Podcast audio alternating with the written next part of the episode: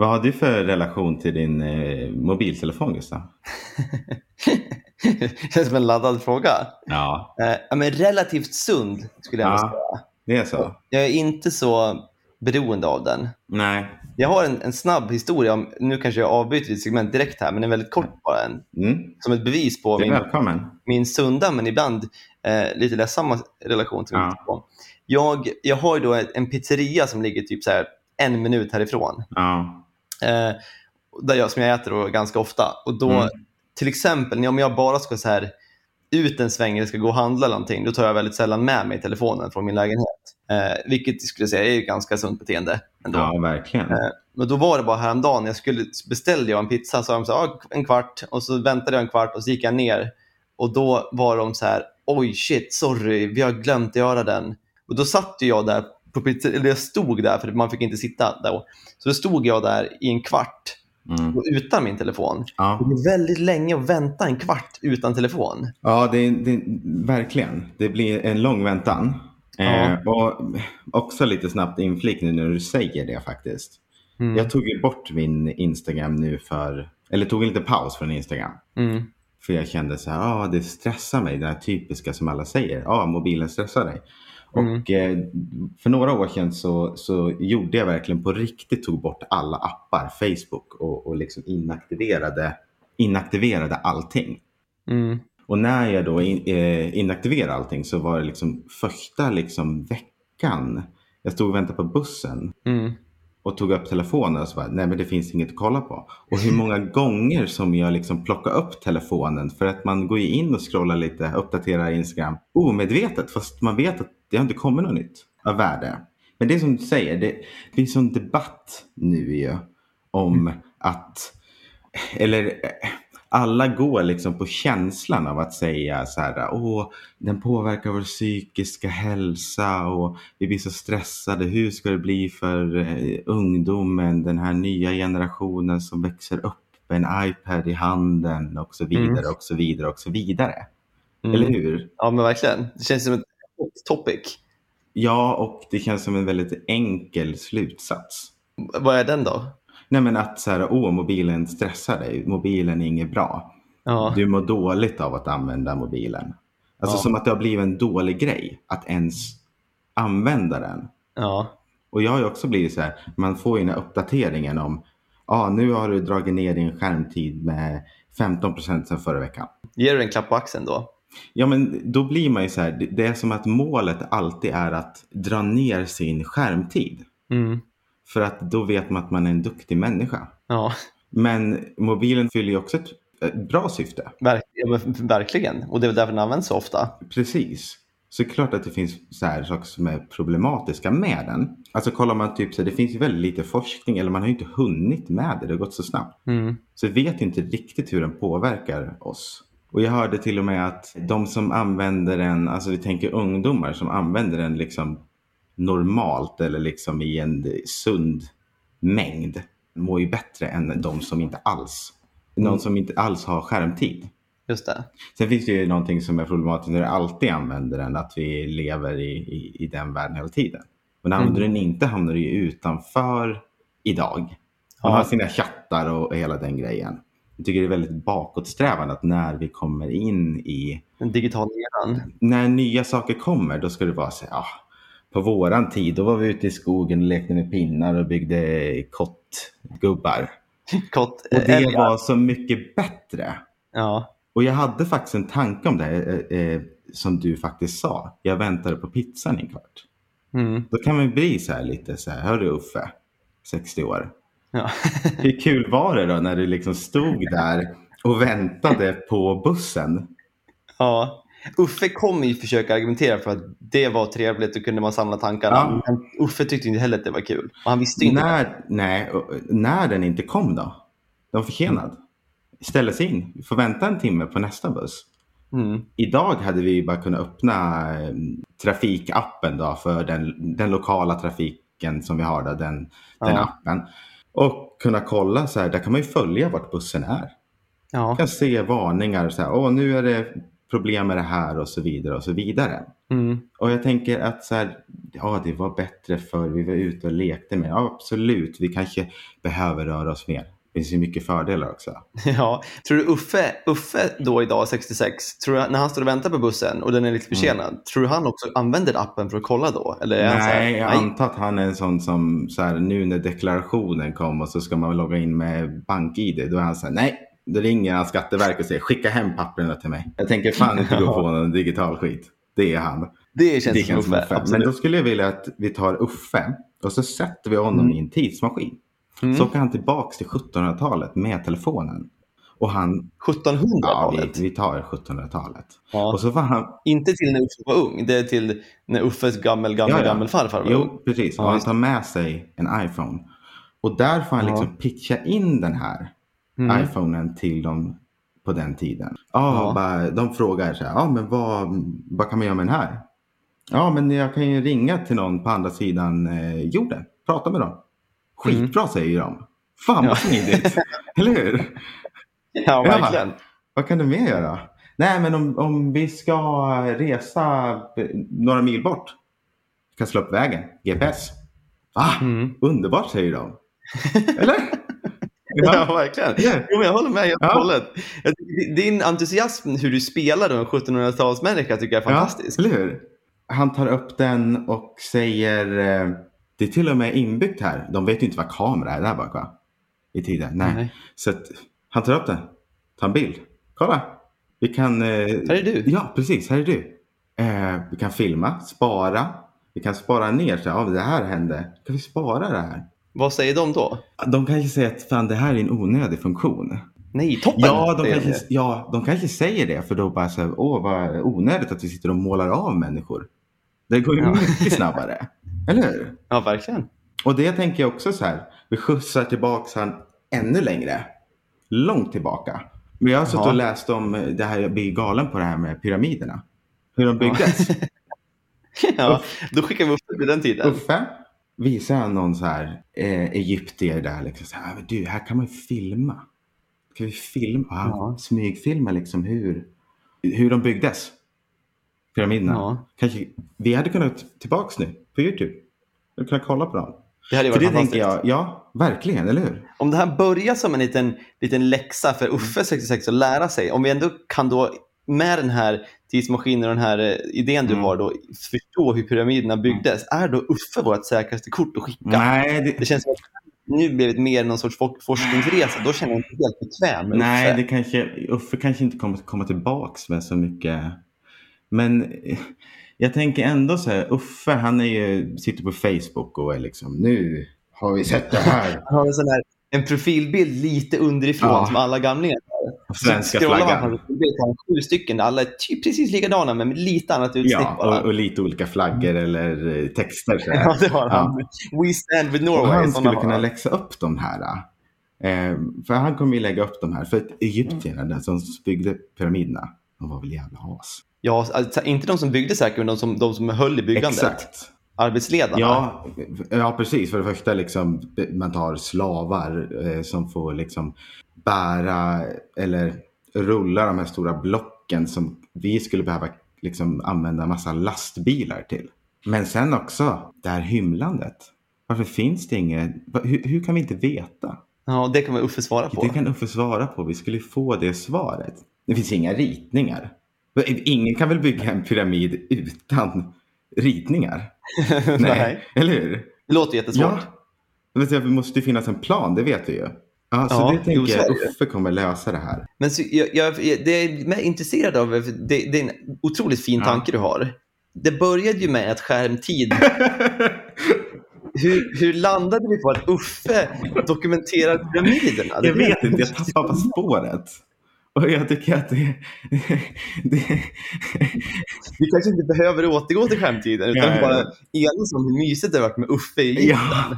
ja, typ 2000 år före Kristus. Ja. En fun fact ändå angående både Kristus och Egypten Ja. och Uffe. Eh, visst är det något sånt klassiskt fun fact att Kleopatra, Mm. det är en gammal klassisk Egypt. I tid är hon då närmre en iPhone än när pyramiderna byggdes. Ja, Hon liksom levde närmare, närmare våran tid än när pyramiderna där byggdes. har du någon liten här mindfuck. Men det jag också Om vi tänker... då gör så att vi skickar Uffe först till pyramiden byggdes, så han får filma allt det där. Sen skickar vi han på en blind date med Kleopatra, Mm. där han då får visa henne, för hon hade ju ingen koll Nej. heller såklart. Men jag tror att Uffe och Kleopatra kan säkert hit it off. Ja, ja. Vi kommer tillbaks till just det här med då att de inte de inte dokumenterat någonting. Jag vill säga, kan man Mm. bygga de här stora pyramiderna? Alltså man har ju ganska mycket kunskap då. Och vi går till Verkligen. vissa så här, tillbaka till vissa historiska tider där de liksom har ristat in eller målat saker så att vi ska kunna förstå liksom, vad, vad det som hände här. Mm. De kunde inte det. De kunde bygga de här stora men de kunde inte rista in och här, visa lite hur man gör eller det finns ingenting. Otroligt Nej. dåliga på att dokumentera. Ja, alla egyptier hade ADHD. De de kunde ha. göra saker med händerna men de kunde inte sitta ner och fokusera på att dokumentera. Nej, det var, det var slarvigt. Ja. Det är som när man, när man eh, på matteprovet när man får poäng för rätt svar, man måste också visa uträkningen. Exakt. Det tyckte Det inte. tyckte inte egyptierna om. Ett avsnitt nummer två i då eh, Skicka Uffe tillbaks i världen, eh, reality-tv-serien vi spånar Mm. fram nu. Hade varit ännu spännande är att skicka Uffe tillbaks till liksom han börjar då Jesu födelse och jobbar sig fram kanske 400 Mm. år. För liksom Bibeln, om vi, det är väl alltid tveksamt vad som är sant och inte, Mm. men den, baseras ju ändå på någonting som, som kommer från Mm. någonstans. Vi kan väl ändå säga det finns ju ändå ganska mycket bevis på att Jesus var ju en riktig man Mm. som, som levde på Men den, den Jesus var tiden. en mytoman. Nej, det är det jag inte tror. Jag tror Jesus var, han var en ganska reko Ja. kille. Men vad som har hänt efteråt är, att liksom, det tog ungefär så här, vad var det, 400-500 år Mm. innan någon egentligen började skriva på Mm. Bibeln. Det innebär att det är så här historier från folk som har då ändrats i 400 år tills det hamnade på papper. Och liksom, när någon sa så här, men Jesus han kunde ju hitta på det här, så säger ja just det. Sen kommer någon inte ihåg det och berättar för sina kompisar, så här, Mm. men det var någon som hette Jesus som gjorde det här. Mm. Om man då skickar Uffe som egentligen får komma dit, sen åker vi 200 år framåt de sitter runt, runt en lägereld och berättar historier Ja. om Jesus. Så kan Uffe säga så här, nej, Nej, så var det inte alls det. Kolla här är smset jag fick av Jesus. ja. Och så kan han liksom fact-checka Ja, för då skulle han ha någon slags krypterad chatt som Ja. han liksom hade kvar. Det går inte att få bort. Säkert behöver inte ens vara Nej, inte på krypterad. den tiden. Nej. Men vad skulle du välja då? Skulle du vilja hellre veta vad Jesus sa runt lägerelden eller veta hur pyramiderna byggdes? Jag skulle helst vilja veta hur det gick på hans dejt med Kleopatra. det, det är ju... Uffe skulle tycka att hon var en rätt tuff brud, säkert lite ja, frän. lite frän. Hon var en riktig frän böna, skulle Uffe säga. Tinder, var det det så de träffades?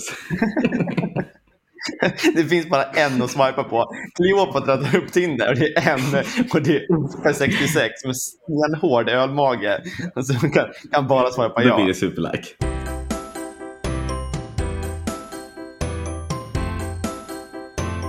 Min tjejs mor Mm. fyllde då 60 Ja. förra helgen. Okej. Grattis. Eh, Grattis. Du kan hälsa vidare. Mm. Ja. Mm. Verkligen, verkligen. Eh, hon lyssnar inte på podden så jag får nog hälsa. Congratulations. Eh, vad heter hon? Mel, eh, happy birthday. Just det, happy birthday Mel. Det här var också en, en snabb- när, när Sophie, då, Sophie var då i Sverige ett år när hon fyllde Mm. år. Eh, och då sa ju då alla svenskar congratulations till henne. Och det tog kanske så här tio pers som sa det tills hon började vara så här, frågade mig Why are people saying congratulations? Och då sa jag, well it's, it's your Ah. Vänta, vad birthday. sa du om ett år? När hon var ett år hon fyllde Ah, år, aha, ja. jag. Det var, hon var då i Sverige under datumet hon Ja. fyllde år. Och då var det massa av mina vänner i det sällskapet som sa congratulations. Och då frågade jag, why are they saying congratulations? Som egentligen då bara är en direktöversättning. Men i in, in English så säger man bara happy birthday och inte Går inte congratulations. den här låten så här? Congratulations and celebration. Ja. Jo, det gör den. Det, det Men ska, det vara- handlar det ska inte vara absolut. kanske?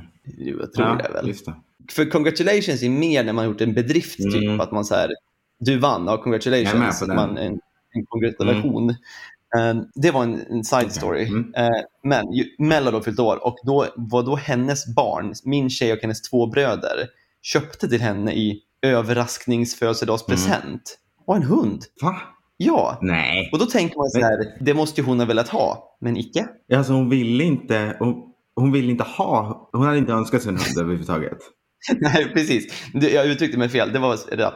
Hon ville ju inte aktivt inte Nej. ha en hund. Hon hade, hon hade inte sagt att En liten hund skulle vara Ingen kul. önskan sedan tidigare typ? Nej. Nej, de har aldrig haft en Nej. hund. De tog saken i egna händer Ja. helt enkelt och sa vi köper en hund Mm. till henne. Jag hade, ju, jag hade ju själv inte alls blivit glad. Nej. För det är ju ett otroligt ansvar Du, i en klapp. du är ingen hundmänniska så. Alltså jag, jag, är in, jag är inte emot hundar. Mm. Jag kan absolut tycka att det är lite kul att, att leka med en hund en kvart Mm. när man går på besök hos någon. Ja. Men jag skulle ju inte alls vilja ha en hund. Nej. Nej, det är ett jäkla Det är lite ansvar. som en Det tycker jag många går in i. Typ, de, oh, jag ska skaffa en liten söt hundvalp. Och så inser Mm. de inte att det är ett jättestort jobb. Nej. Det är Man- som att, man tror att, att- liksom ta hand om ett litet barn. Alltså, så här, alltså Ja, om man skulle uppfostra ett barn. Så är det lite som Ja. så här, en hundvalp. Den är inte gullig hela tiden.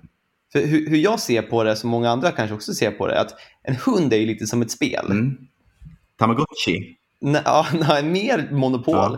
Eh, när man har ett spel som man verkligen vill spela, Mm. då är det superkul när man vill spela Mm. det. Sen vill man ju bara lägga det där spelet på hyllan sen och så ligger det där tyst och snällt Mm. tills man vill spela det igen och ha kul. Ja. Och det är så min relation med hundar är. Jag tycker att det är superkul att leka med en hund då och då när jag vill leka med hunden. Liksom. När man spelar ett spel och sen så, så går det bara dåligt så man förlorar. Då är det inget kul. Det är bara kul Nej. att spela spelet när det går bra. Som när hunden är glad. Exakt. Mm, Inte när den bajsar inomhus. Nej, det är skittråkigt. Mina föräldrar har ju en hund. Just det. Så när man är hemma på besök då kan det vara så här ibland. Ah, fan, hunden har bajsat på golvet.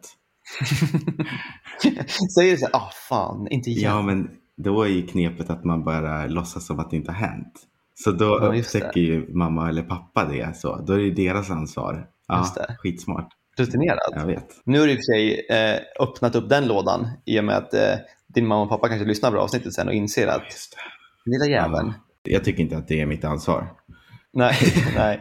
Det är det som är lite grejen där jag var inne på att jag, jag är inte en hundmänniska. För det, man vill ju kunna komma hem och leka med Mm. hunden men sen när den väl bajsar så vill man ju inte ta hand om Nej. det. Och det är det man då känner att här, var de säkra på att mamman ville ha en Ja. Hon kanske inte vill ta upp bajs, hon kanske bara tycker om att leka med dem på stan. Ja. Men det fina i det hela var att hon blev väldigt Ja. glad. Hon överraskades med den. Hon kom hem på sin födelsedag och då stod eh, vi där med en hund i famnen och hon blev väldigt, väldigt glad. Ni stod med den i famnen. Ni hade inte liksom slagit in den. Det har man ju sett så här videos på. Det är så många som har sagt det här till mig, så här, hade ni den i en låda? Mm. Och det har jag googlat fram att det är inte alls så snällt mot en stackars hundvalp. Nej, det var det jag tänkte. Men, men typ en rosett på huvudet. Ja, för en hundvalp som blivit bortryckt från sin Mm. mor efter så åtta veckor, åker till ett helt nytt hus med nya människor, Mm. stoppar in det i en mörk låda, slår några små lufthål i Ja. toppen. Det känns inte alls... Nej, bara för, för överraskningens skull. Där tyckte Ja. jag att ni gjorde det fint. Ja, det blev succé. Ja. Det blev succé. Eh, Men vad jag egentligen också tänkte på att det här, det kan ju också vara lite kul att köpa en, ett djur till en kompis då i, i present just för ansvaret. Det... Nej. Jag vet fan. det, det, det, det är inte... Alltså, ja, jag förstår grejen. Ja, Jag skulle tycka att det var skitkul. Verkligen. ja. Men också så, så har jag ju någon slags, alltså jag tycker mer synd om djur eller har mer medkänsla för djur än vad jag har för, för människor nästan. ja. Så på något sätt så skulle jag ju tycka att det var ganska hemskt. Men bara mycket- för att få se liksom ansiktsuttrycket när man ger bort ett djur så. Så tänker jag ta tillbaka Ja, djuret. för, för första, första ansiktsuttrycket kommer ju vara så här, och fan vad gullig och vad kul och sen kommer vi ta två sekunder och inse, men vadå, måste jag ta hand Mm. om det här nu? Och, det kommer bli, det, och det är ju lite också kul. på vad det är för typ av djur. En fisk. En fisk. Ja, det- jag, nu kanske inte du var med på det, men det var ju så att när Ludde Storm, våran kompis, så hade köpt en ny lägenhet i Mm. Stockholm. Det här fick inte jag vara med på. Nej, Jag är inte i närmsta kretsen. the inner circle. Nej, men vad, du kanske bodde i Stockholm? Ja, jag bodde fan i Stockholm. Nej, det gjorde jag inte. Inte när jag flyttade dit. Jag flyttade dit senare. Mm. Exakt. Du var säkert upptagen. I alla fall, och då skulle vi då åka och köpa eh, en present, inflyttningspresent till Mm. honom. Då tänkte vi då att vad kul det skulle vara att köpa en guldfisk till Ja. honom. Eh, och då tänker man så, du vet på film man har sett så en guldfisk som bor i en, så här, en genomskinlig glasskål med ett litet slott i kanske, som bara simmar runt på skrivbordet. Eh, och det tänker man det är ju inte heller så superelakt i och med att det är ju inte ett jätteansvar med en guldfisk. Nej, det är det ju inte.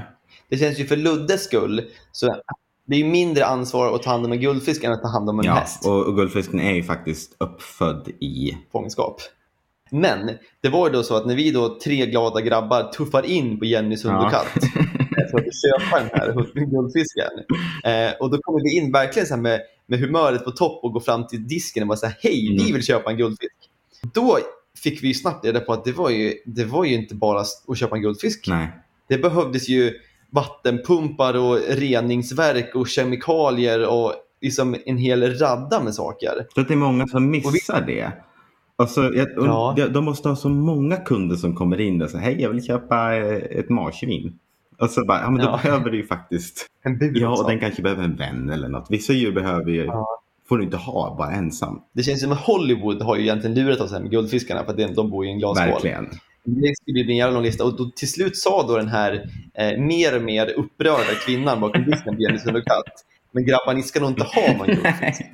och då sa vi, men, men jo, vi ska inte ha den här för vi, det är vår kompis som ska Ja. ha den här.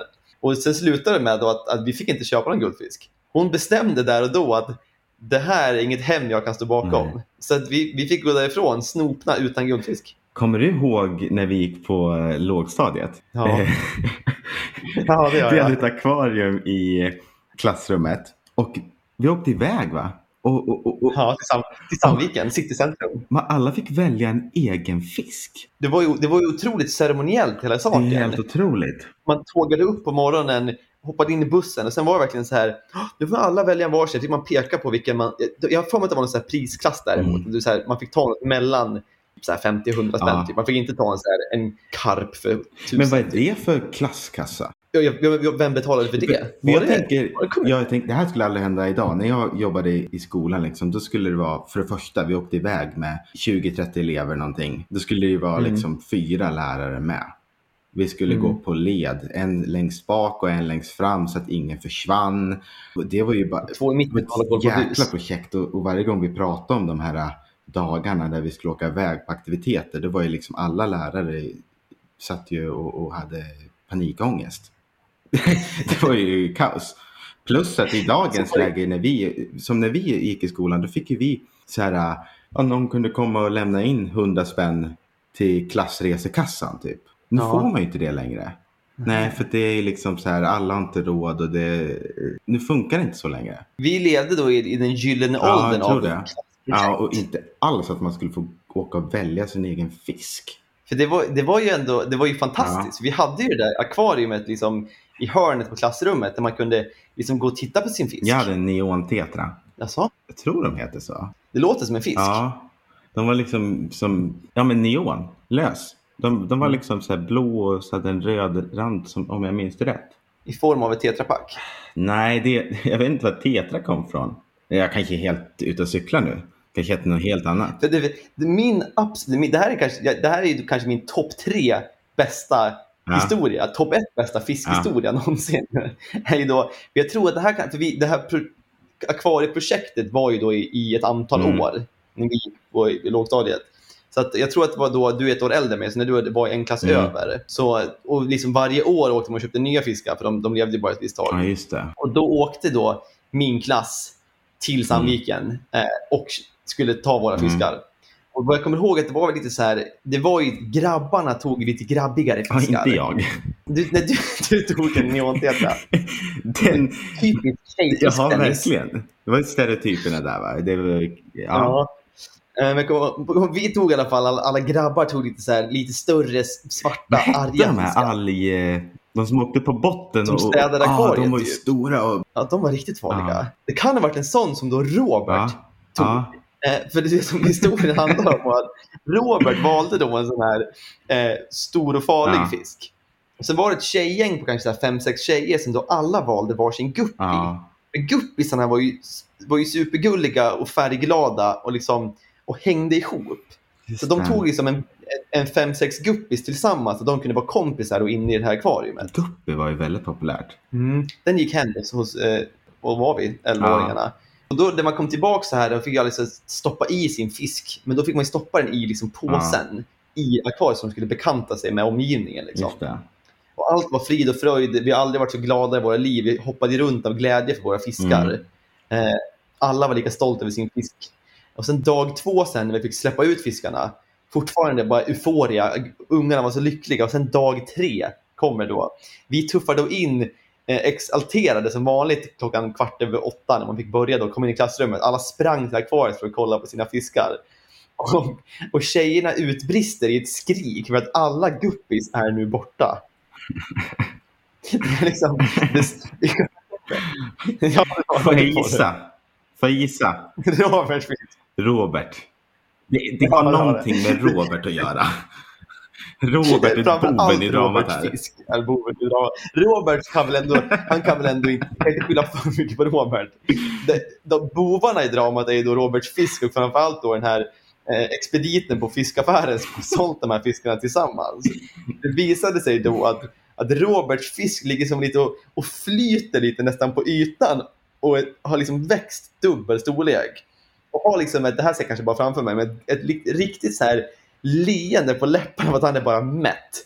Det här är den mättaste fisk du någonsin har sett.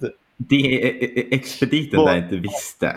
Det var att Roberts fisk var lite högre upp i kedjan. Verk- Ja, men ganska mycket. Det var, det var liksom dag ett. Snappade upp varenda gupp jag kunde få, få, få in i munnen. Och det var, jag kommer ihåg att det också, det var lite så här, det var, det var ju chock i eleverna. Ja. Ingen hade ju riktigt fattat vad som har hänt. Och då var det, då var det också våran, det var ju då vi hade en, en ung vikarie eh, som var kanske 25. Som då Ah. innan barna gjorde den här kopplingen att nej, Mm. den här otroligt mätta tjocka fisken måste jag ha ätit upp de här guppisarna. Och när hon då ska förklara det för, för sex stycken liksom hjärtekrossade flickor att Ja. Roberts fisk har ju ätit upp era fiskar. Era fiskar finns ju inte Mm. längre. Nej. Och det var för, för mig som min fisk levde, som inte var inblandad, som kunde se det här från liksom en tredjepartsperspektiv. Mm. Det var ju en, fantastisk dag. kan tänka mig det. Men vad jag tänker på då, om vi tillbaks då till det här med skolan idag då. Mm. Att vi kunde åka på klassresa till Gröna Lund och äta glass och tycka att det är frid och fröjd och, och det är bara härligt. Men det var inget utbildningssyfte i vår klassresa. Nej, idag så måste det finnas ett utbildningssyfte.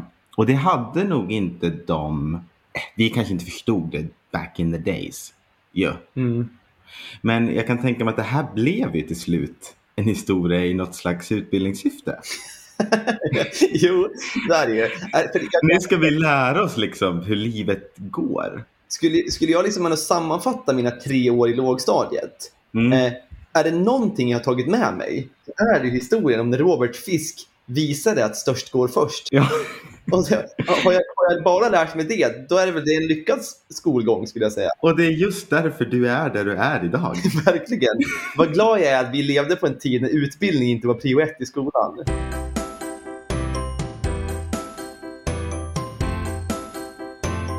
Nu är det ju så att jag har ju...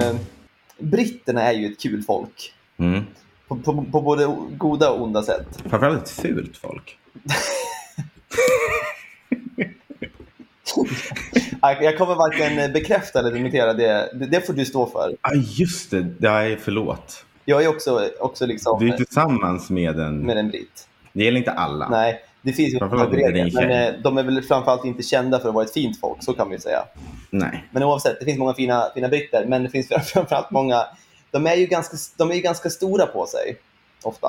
Mhm. Och, men framförallt nu så är det ju då i, i Corona Times så har ju då England har ju gått till ett, ett vad de kallar för gatlyktesystem. Där de har Mhm. olika länder som då antingen är gröna, gula eller röda. Ja, just det. Men det där har jag ganska bra koll på. Mm. Vilket innebär att man då får ju vart man då får åka på semester. Röda Mm. får man egentligen inte åka till alls och å- kommer man från ett rött så måste man karantäna på hotell i tio dagar. Åker man till ett gult som man inte rekommenderar att göra så måste man karantäna hemma i tio dagar. Och åker man till det. ett grönt så behöver man nog inte karantäna. Men har britterna, om de åker från ett gult till till? England, ja. Precis. Nej, om någon vill semestra i England, det går inte nu. Eh, Från ett gult land. nej, eller Ja. alla länder är olika. Den här listan är bara baserad på vad för britter som kommer tillbaka.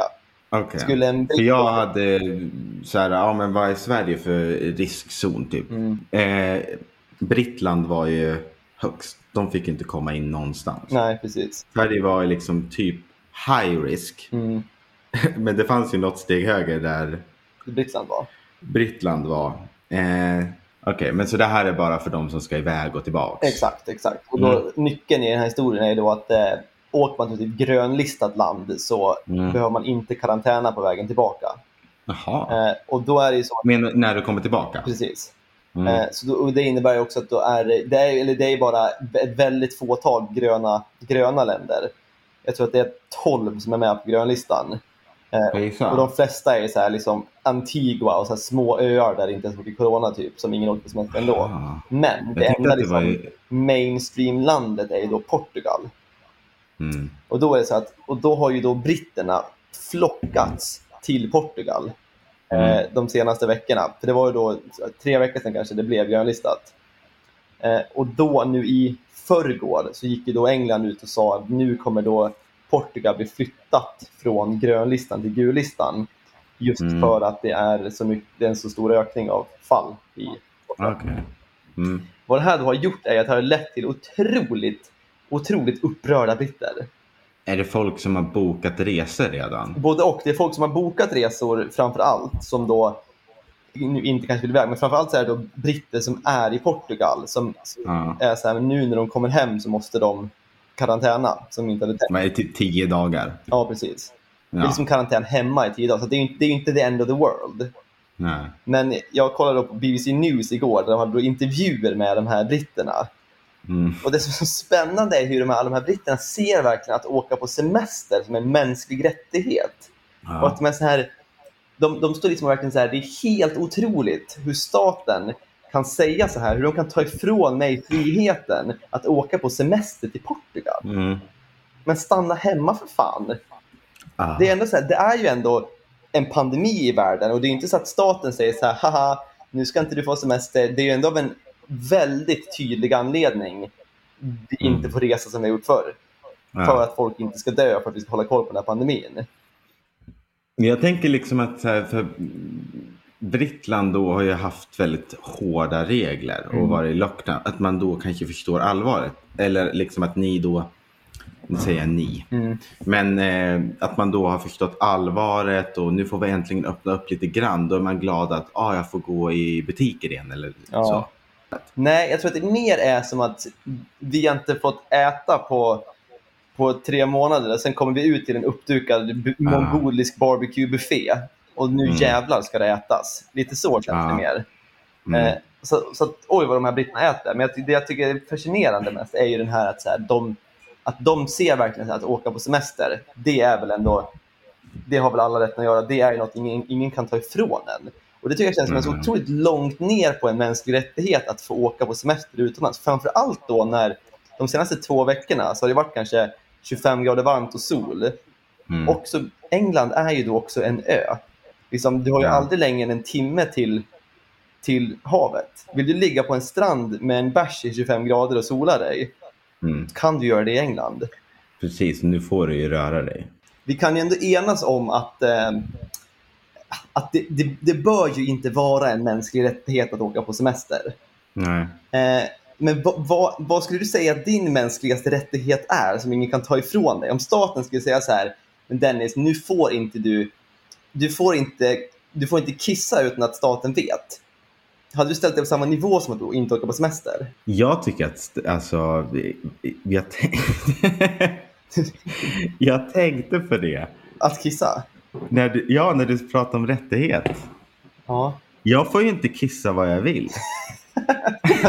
ja, jag, kom- jag gick in i det här mer på lite som ett skämt, men du drog inte direkt tillbaka till att vad fan? Jag får inte kissa vid träd i parken här. Ja, det är faktiskt sant, det får du inte. Nej, då kommer polisen så får man betala typ 2000 eller någonting. Känner du dig mer kränkt av den regeln än att du inte skulle få åka på semester till Portugal?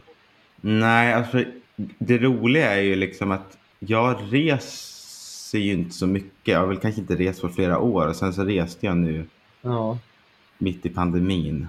Du, Det är ju skämskudde. du kissar desto mer i en park. Nej, det gör jag inte heller så ofta, men det är väl kanske en rättighet man borde ha i, i Sverige. Men det kanske inte är det som är den rättigheten som jag mest... Det är ju inte min hjärtefråga direkt.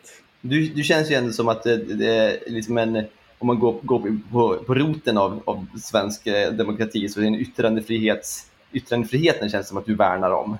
Jo, det är klart. Men yttrandefriheten har ju blivit någonting helt annat. Alltså folk vet ju inte vad det är längre. Den har ju gått till att jag får säga vad fan jag vill till vem som helst, de kan inte bli kränkta. Ja, precis. Men eh, mm, jag måste ju... Jag har ju någonting. Jag kanske ska ställa en, en, en Nej, enklare men- fråga. Ja. Vad tror du att Uffes eh, största, största personliga eller mänskliga rätt... ja, eh, direkt. Ingen ska tvinga mig ta vaccin. Nej, verkligen inte. Ja. Och, och det är så också så här. Det är ingen som tvingar dig att ta vaccin. Men där kommer den in. Ja, men om jag vill, det här har man ju hört. Eh, jag vill ju resa. Om de ska tvinga mig ta vaccin för att resa. Mm, Där, där går liksom. där går gränsen. Ja, Det precis. känns som att Uffe är ändå en ganska bra svensk ekvivalent till de här brittiska portugisresenärerna som står och skriker. Ja. Uffe hade stått där med sin, med sin liksom, han hade stått på Grekland med sin vad är det, mytos i handen. Eh, Och Mm. liksom en, en kortärmad skjorta uppknäppt med en, liksom en svidande röd ölmage. Och så att Mm. så här, ja vad fan. Det är, väl, jag, är, jag, är min rättighet. Jag har jobbat hårt, betalat skatt. Nu ska jag Ja. åka på semester och ha det trevligt med min pension. Precis, det är de här som är... ja, Varje argument är så här. Jag betalar skatt i 40 år nu. Vad får jag för det här? De, men de ser ju alltid att skatten är som ett sorts lån, att de pengarna ska i, precis bara gå tillbaka till en själv också, Mm. att det är därför man betalar skatt. Så att visst fan har han skattat ihop sig till en resa all inclusive på, på Kreta, det har han ju Uffe.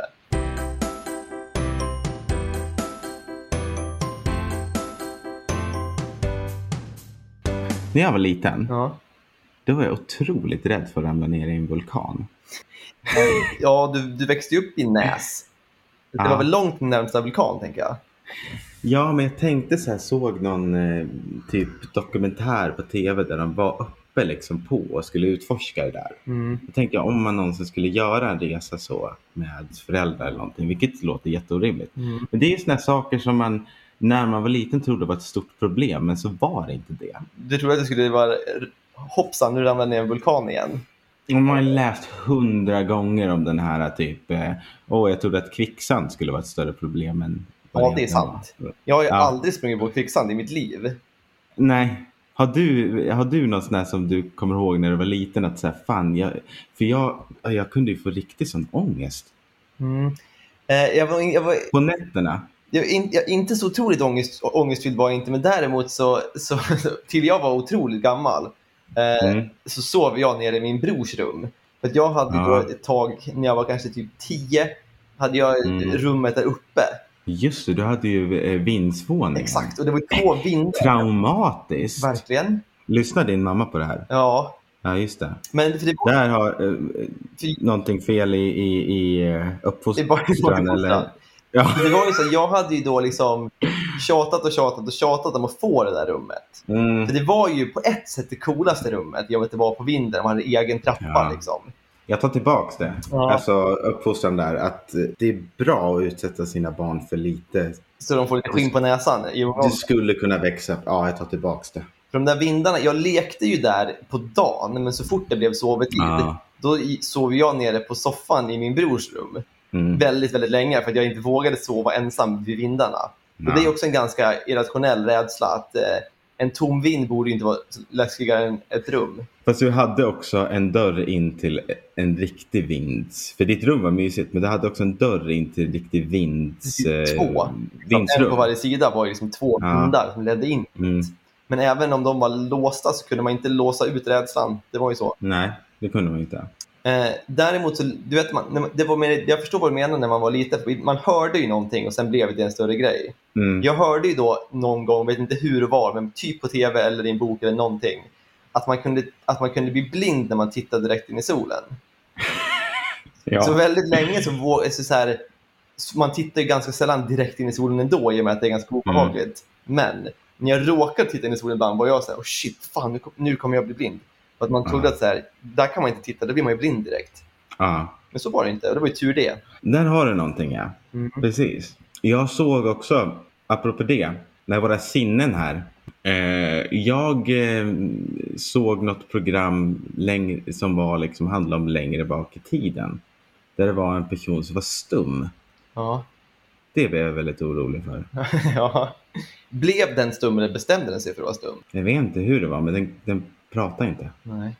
Det känns ju helt sjukt. Ja, Men det finns ju sådana människor som blir stumma av liksom typ trauma. Inte att det är ja, liksom att skulle man då liksom få någon sorts strupsjukdom så kan man säkert bli stum. Men att man blir stum av mentala jag tror att det här, det, det, det här minns jag inte. Det, just den grejen blev jag ju väldigt rädd Ja. för. Tänk om jag inte kan prata längre. Och jag tror att det är sånt just eh, blind, döv och stum. Ja, jävla kombo om man ska ha alla tre. Ja, gud ja. Men också ganska skönt. Nej, Man skulle nej, nej jo, Nej. man skulle slippa alla korkskallar. det skulle man ju. Men man skulle inte ens veta att de fanns ju. Framför allt så skulle man ju slippa Uffe. Framför allt. Men med, med Uffe ändå till, till Uffe till Egypten. Det är Mm. någonting jag både vill se, höra och känna och prata om, känner jag. Så frågan är egentligen om, vi, om, för om vi ska då sätta punkt för våra, våra rädslor och även vår rädsla för Uffe, att du, jag och Uffe åker till toppen av en vulkan och stirrar in i solen. Och Ja. face our fear straight on. Och sen hoppar vi tillsammans bort genom solnedgången och tar det där. Nej. Du stirrar in i solen. Mm. Jag hoppar ner i vulkanen. Mm. Och Uffe tar upp sin iPhone. Ja, ja, du kan sluta så. Eller så hade det varit kul. Tänk, jag trodde du skulle säga och Uffe får ta vaccinet. Det sista vi gör är att vi, vi två tillsammans i en ritual ger han en spruta. sen, sen riktar jag och Uffe dig mot solen. och sen så knuffar ni två ner mig i vulkanen. And we all lived happily ever after ja, jag dog. jag blev blind. Och Uffe blev vaccinerad. Uffe vann ju helt klart.